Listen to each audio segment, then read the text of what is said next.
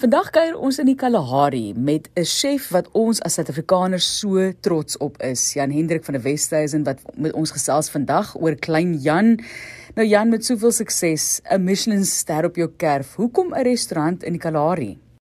Matelies, dis 'n vraag wat ja, ek nogal vir myself heeltyd vra is, ehm um, maak maak sukses en en 'n Michelin ster regtig op die einde van die dag as mens wil huis toe kom so groot eh, faktor en is dit so belangrik as mens net wil ja ek vir my was dit ek wil net huis toe gekom het en I wanted to ek wou iets in Suid-Afrika gedoen het wat ek al van 'n kind af lank gedroom het. My ma my pa het 'n vakansieplaas gehad vir baie lank ek is weer 'n kind en alles is nuut vir my. En ek dink dit is die grootste voorreg wat enige mens in sy lewe kan hê is om net weer iets te kan sien met nuwe oë en vars 'n vars aansig. Vertel vir ons van die Boskia huis en die geskiedenis daarvan. Hoor hierdie huisie is incredible en ek dink meeste mense wat dit nog nie gesien het nie moet dadelik op op my social media gaan want dit is seker die mooiste ding wat mense in jou lewe kan sien. Dit is letterlik uh, 100 jaar oud,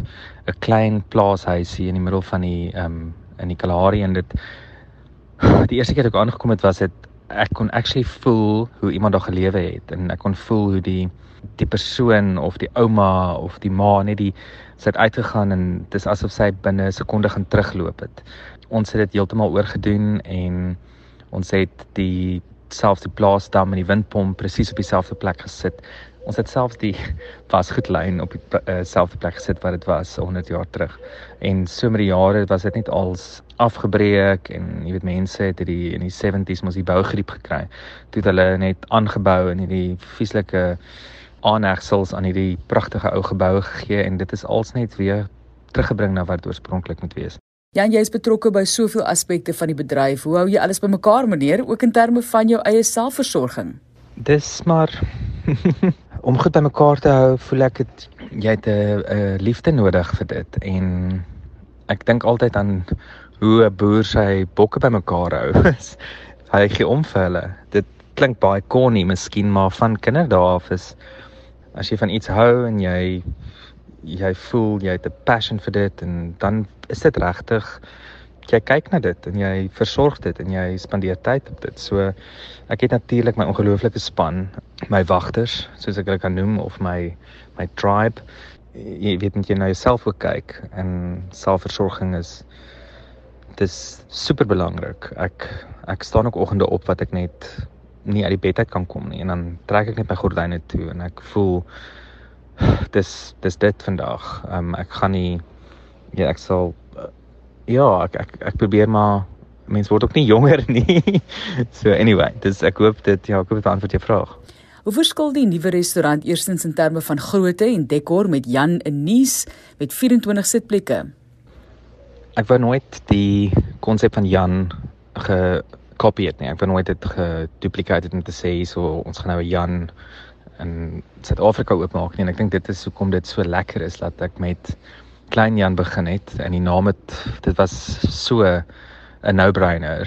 Die klein huisie en dan natuurlik my ouma en my maale het almal Klein Jan genoem want ons was soveel Janne op die plaas. Altyd my oupas was Jan en as ek altyd gehoor het Klein Jan dan weet ek ek's nie moeilikheid.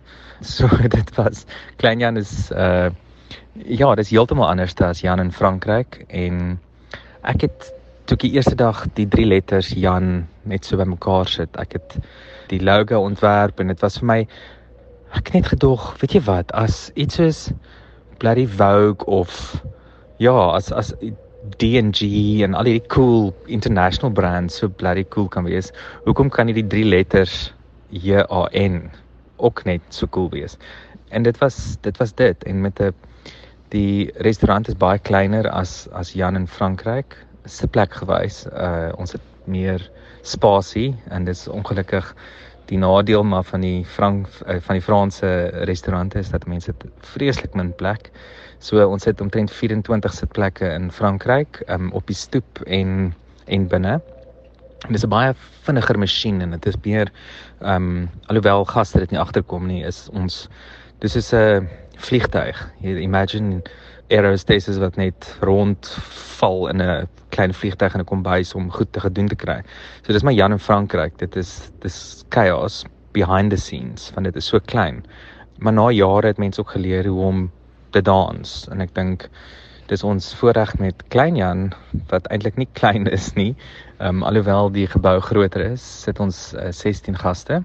Ek dink dis een van daai organiese prosesse wat 'n mens net jouself jy moet eerstens net jou self bewus maak van waar jy is en jy moet voel jy goed. Ek is nou in die middel van nêrens en hy is so min en en dit ons begin met die konsep van kyk alles het op 'n servet begin. Ehm um, die tekeningkies en en al die scribbles. En so het dit het ek dit oorgegee na die argitekte toe en ons het probeer uitfigure hoe gaan mens 'n restaurant kan maak werk. Dit het actually net hierdie organiese ding geword is die kos, die dekor, alles is regtig om die omgewing geskep. Die kos by Jan is is Franse kos, maar dit het 'n sterk Afrikaanse en Suid-Afrikaanse invloed. Um goed waarmee ek groot geword het. En die kos by Klein Jan is weer eens dieselfde. Die idee van gaste arriveer en jy kry die ou Kalahari in die ou huisie waar jy aankom en dan wel ek wil net nie spoil nie, maar dan dan gaan jy nou ondergrond uh en dan is dit die nuwe Kalahari en en dit is dan dis daar waar die waar ons creative juices so geflow het dat mens um actually die potensiaal het om oud en nuut te meng en en ook om te sê daar is 'n toekoms en ons kyk vorentoe maar ons ons treasure ons kultuur en en wat agter ons is. En die kos? Martelies ek's bietjie geheimsinnig oor die kos, maar dit ehm um, dis so snaaks ek het vir 2 jaar, eintlik 2 en 'n half jaar, dis so lank die projek gevat het om aan mekaar te sit. Het ek 'n dokument gehad wat ek alles net bymekaar maak en ek het uh idees neergeskribbel en en letterlik 'n maand voor ons oopgemaak het toe het al daai idees net soos poef, dit was nie meer relevant nie. Want ek het in die in die root cellar ingeloop of in die in die in ons kelder dis waar ons al ons produkte bewaar. En ek het daar aangeloop en ek het net gesien this is another ball game. Uh hierdie gaan anders wees as wat ek ooit gedink het. En um, maar net om mense idee te gee is ons doen Dis omtrent 7 7 tot 8 gange. Jy kan ook kies as jy 'n korter spyskaart wil hê. So ek hart om mense te forceer om te sit by 'n tafel vir te lank. Inteendeel dit is glad nie wat by Klingon gebeur nie. Jy beweeg tussen die most amazing spasies en van die stoep op die uh, wat uitkyk oor die Kalahari se duine, beweeg jy in en dan beweeg jy na die uh, kelder toe waar jy proe van wat ons uh oorspronklik gekry het van die van die area en van die Appington en Kalahari en Keimus en van selfs rus en al daai amazing plekke. En dan beweeg jy verder deur na die sop en broodkamer en dit is waar my my ouma se koolstoof en dis actually die eerste dis die eerste um, ete wat ek in my lewe leer maak het of die eerste bord kos leer maak het was op daai stoof. En hy staan die oorspronklike stoof staan in in daai sop en broodkamer. Ehm um, en dan ja, dan val dan net soos ek wil dan nie sê val 'n kit en dit klink vreeslik dramaties, maar dan gaan dan net twee deure oop en jy's in die jy's in die moderne Kalahari. Jy is in is as jy kan enige plek in die wêreld wees, maar jy kyk uit oor die en dan kyk jy weer uit oor die duine en jy eet jy eet kos wat ons ons as kunstenaars bymekaar gesit het. So ja, dit is vir my dink worssous met uh pap kaviaar en as jy aankom is daar sop en brood op die stoof met gebrande toast.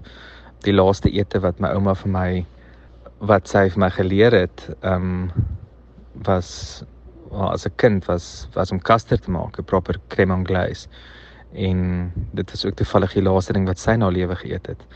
Uh in haar hospitaalbed was jelly and custard en dit is die laaste dis die laaste maal maar dit is ja dit is torings van dit as jy uit uit klein en uitloop is dit jou laaste hapsel van um, hanepoot en rosientjie en dadels en alles wat wat van die omgewing kom. Is dit net hierdie incredible stapel van jellies en en gebrande custard. So ja, dis mense moet dit maar self uitfigure. Ja, hoe inspireer die landskap jou? Dis 'n dis 'n lekker vraag want ek dink ek vergelyk altyd kos met skilderye en ehm um, as mens 'n bord kos sien moet jy kan sê dit is daai chef se kos. Jy weet dit is 'n daai is Chantal Dartnell of daai is 'n Luke Dale of daai is uh, jy weet wie, dit gaan net oor daar moet 'n uh amper sê 'n signature wees op die bord. En dit is presies soos met kuns. Ehm um, as jy in 'n galery inloop en jy sien van 'n myl af, jy jy hoef nie eers ja, jy sien net dit is 'n van Gogh. Dit is 'n Matisse en dis iemand en dit is actually die kunstenaar het sy omgewing gevat en hy het ja, hy het, hy het dit magical gemaak en dit op 'n bord gesit. So die landskap het vir my vreeslik inspireer en die een eenvoud van die Kalahari en die eenvoud van wat die mense daar wil hê en dit met kontras soos 'n uh, kristal bakkerat glas saam met 'n blikbord. Dit gee vir mense actually hoendervleis as jy daar sit en jy jy het net hierdie kontras van lyks en oud en nuut en kultuur en en goeders waarmee ons net groot geword het en dit alles net gemeng in 'n pot en jy weet dit kom net uit as ja ek dink dis maar net love on a plate dit klink nou baie corny weer eens maar dis maar eintlik net wat ons doen. Laastens Jan, wat is volgende vir Jan, die mens en die chef en besigheidseienaar? Martelise is baie skepties om te sê wat's volgende want 'n mens ja mense kan ons nou nooit sê wat wat môre gaan gebeur nie maar ek hoop ja ek hoop en bid maar net ek is so lief vir wat ek doen vir altyd want dit voel nie vir my soos werk nie. En ek is 'n chef maar ek is ook 'n entrepreneur en van ek het koekies verkoop uit my ma se kar se boot uit as 'n kind. En dit was ek het toegeweet al ek, ek hou van besigheid en ek's eintlik 'n smous en ons het 'n smous nog in daai dae gehad wat verbygekom het die beauty lies in not knowing what's next. En ek dink dit is maar net so belangrik dat ons net lewe vir vir hierdie oomblik en vir vandag en en die lewe is baie kort. En en die mens moet dit maar net ja ek dink nie ons kan enigsins dit anders benader nie. Is just live this moment en wees net dankbaar dat ons hier is op hierdie oomblik